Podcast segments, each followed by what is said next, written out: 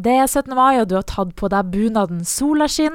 Nei, du kan ikke ha på deg solbriller. Og regner det, ja, da må du ha en paraply med samme mønster som bunaden, og du kan i hvert fall ikke ha på deg regnjakke. Disse uskrevne bunadspolitireglene er mange, men ah, er det så nøye, da? I dag så er vi med oss Dorte Leise Gjermid, som er daglig leder ved Husfliden Bodø. Velkommen hit. Tusen takk.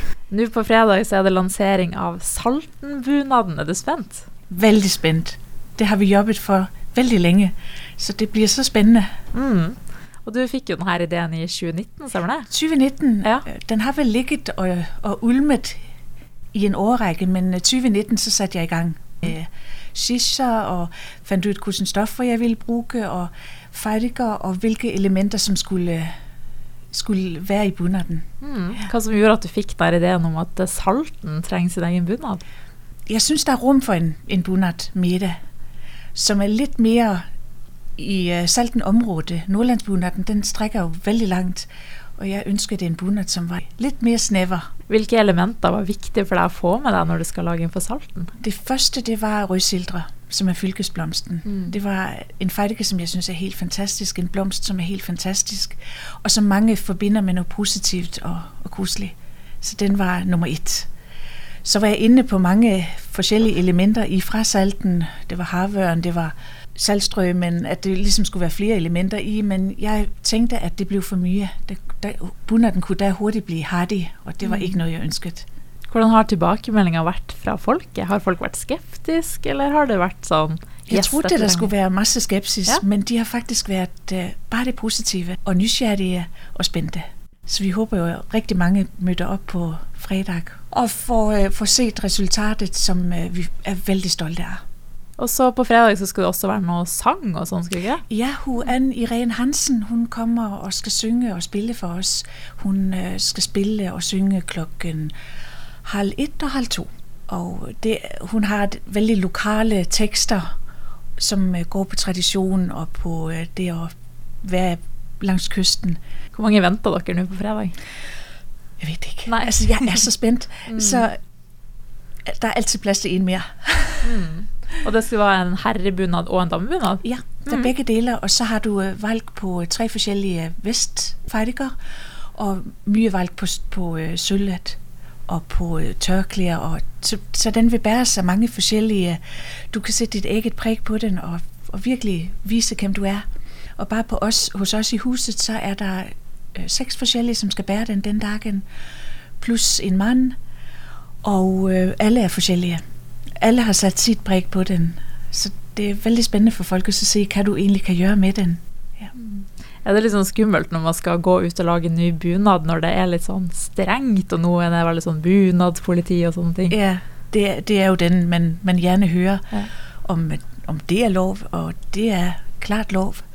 Og jeg tænker, at det er spændende at gøre noget nyt, og så kanskje øh, give folk muligheden for at vælge. Ha, have flere valg. Du som jobber i Husfliden, da er du streng sjøl?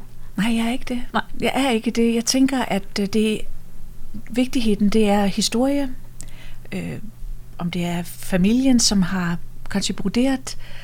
Og hvis det ikke er perfekt, så er det helt fint. Jeg liker ting, som ikke er perfekt. Det skal heller have en historie, og du skal være stolt det. Og jeg er den sidste, som kommer og i rette sætter folk, hvis de ikke øh, bærer bunaden, sådan som kriterierne siger. Mm. Du skal bære den, som du, du ønsker, og være stolt. Hva syns du er det beste med jobben din, da? kollegaerne. Ja. Uden, uden tvivl. De, øh, vi løfter hverandre op, og det gør, at man øh, jobber i et kreativt miljø. Og hvis det ikke har det været et godt miljø, så har det man heller ikke skabt nogen ting. Så har det man gået på de gamle ting øh, med, med træstjæring og, og rusemaling fortsat. Vi kan ikke det. Vi er faktisk nødt til at løfte os. Skal vi, skal vi have en fremtid? For øh, ellers så er der andre, som kommer i byen og, øh, og etablerer sig, hvis vi ikke er stærk, stærke. Det er vi. Kunne du ha tenkt at å gå med Saltenbunaden sjøl på 17. maj? Absolut, det skal Ja. jeg. Ja. Og jeg skal, øh, sønnen min, han skal gifte sig i, på Grønnerlykker i, øh, i maj, og der skal jeg have den på. Mm. Og så skal vi have konfirmation for mit første barnebarn, også i, i Oslo, og der skal jeg have saltenbunder den på. Så gleder meg veldig. Mm. Har det vært vanskelig å holde det hemmelig? Veldig. Ja. og mange ønsker en sniktid, men vi har vært veldig uh, konsekvent. For uh, det, det, skulle liksom være samtidig alle skulle få den. Og så hadde jeg jo håpet at vi skulle komme ut tidligere, faktisk uh, allerede når, når Bodø var kultur lanceringer der, mm. og der, der var det meningen, at vi skulle gå catwalk i lag med O. Johansen og Kjolesalongen, men uh, ting var ikke på plads. Og blandt andet billederne, som jeg synes er veldig vigtige at få med, uh, af han Patrick Berg og Ulrike Isaksen, mm. de kunne vi først tage forrige tirsdag, mm. På grund af, at han Patrick er så optaget. Ja. ja. Og det har vi jo stor forståelse for. Mm.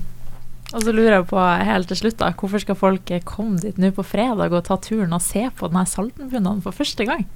De skal komme og feire i lag med oss og se hva vi har skapt. Og jeg tenker det er en stor ting for, for husfliden, og forhåpentlig er det mange som vil synes at det her er en veldig fin ting. Og det var fredag klokka Fra 12 til 15. Supert. Tusen takk og så masse tvi-tvi med lanseringa. Tusen takk.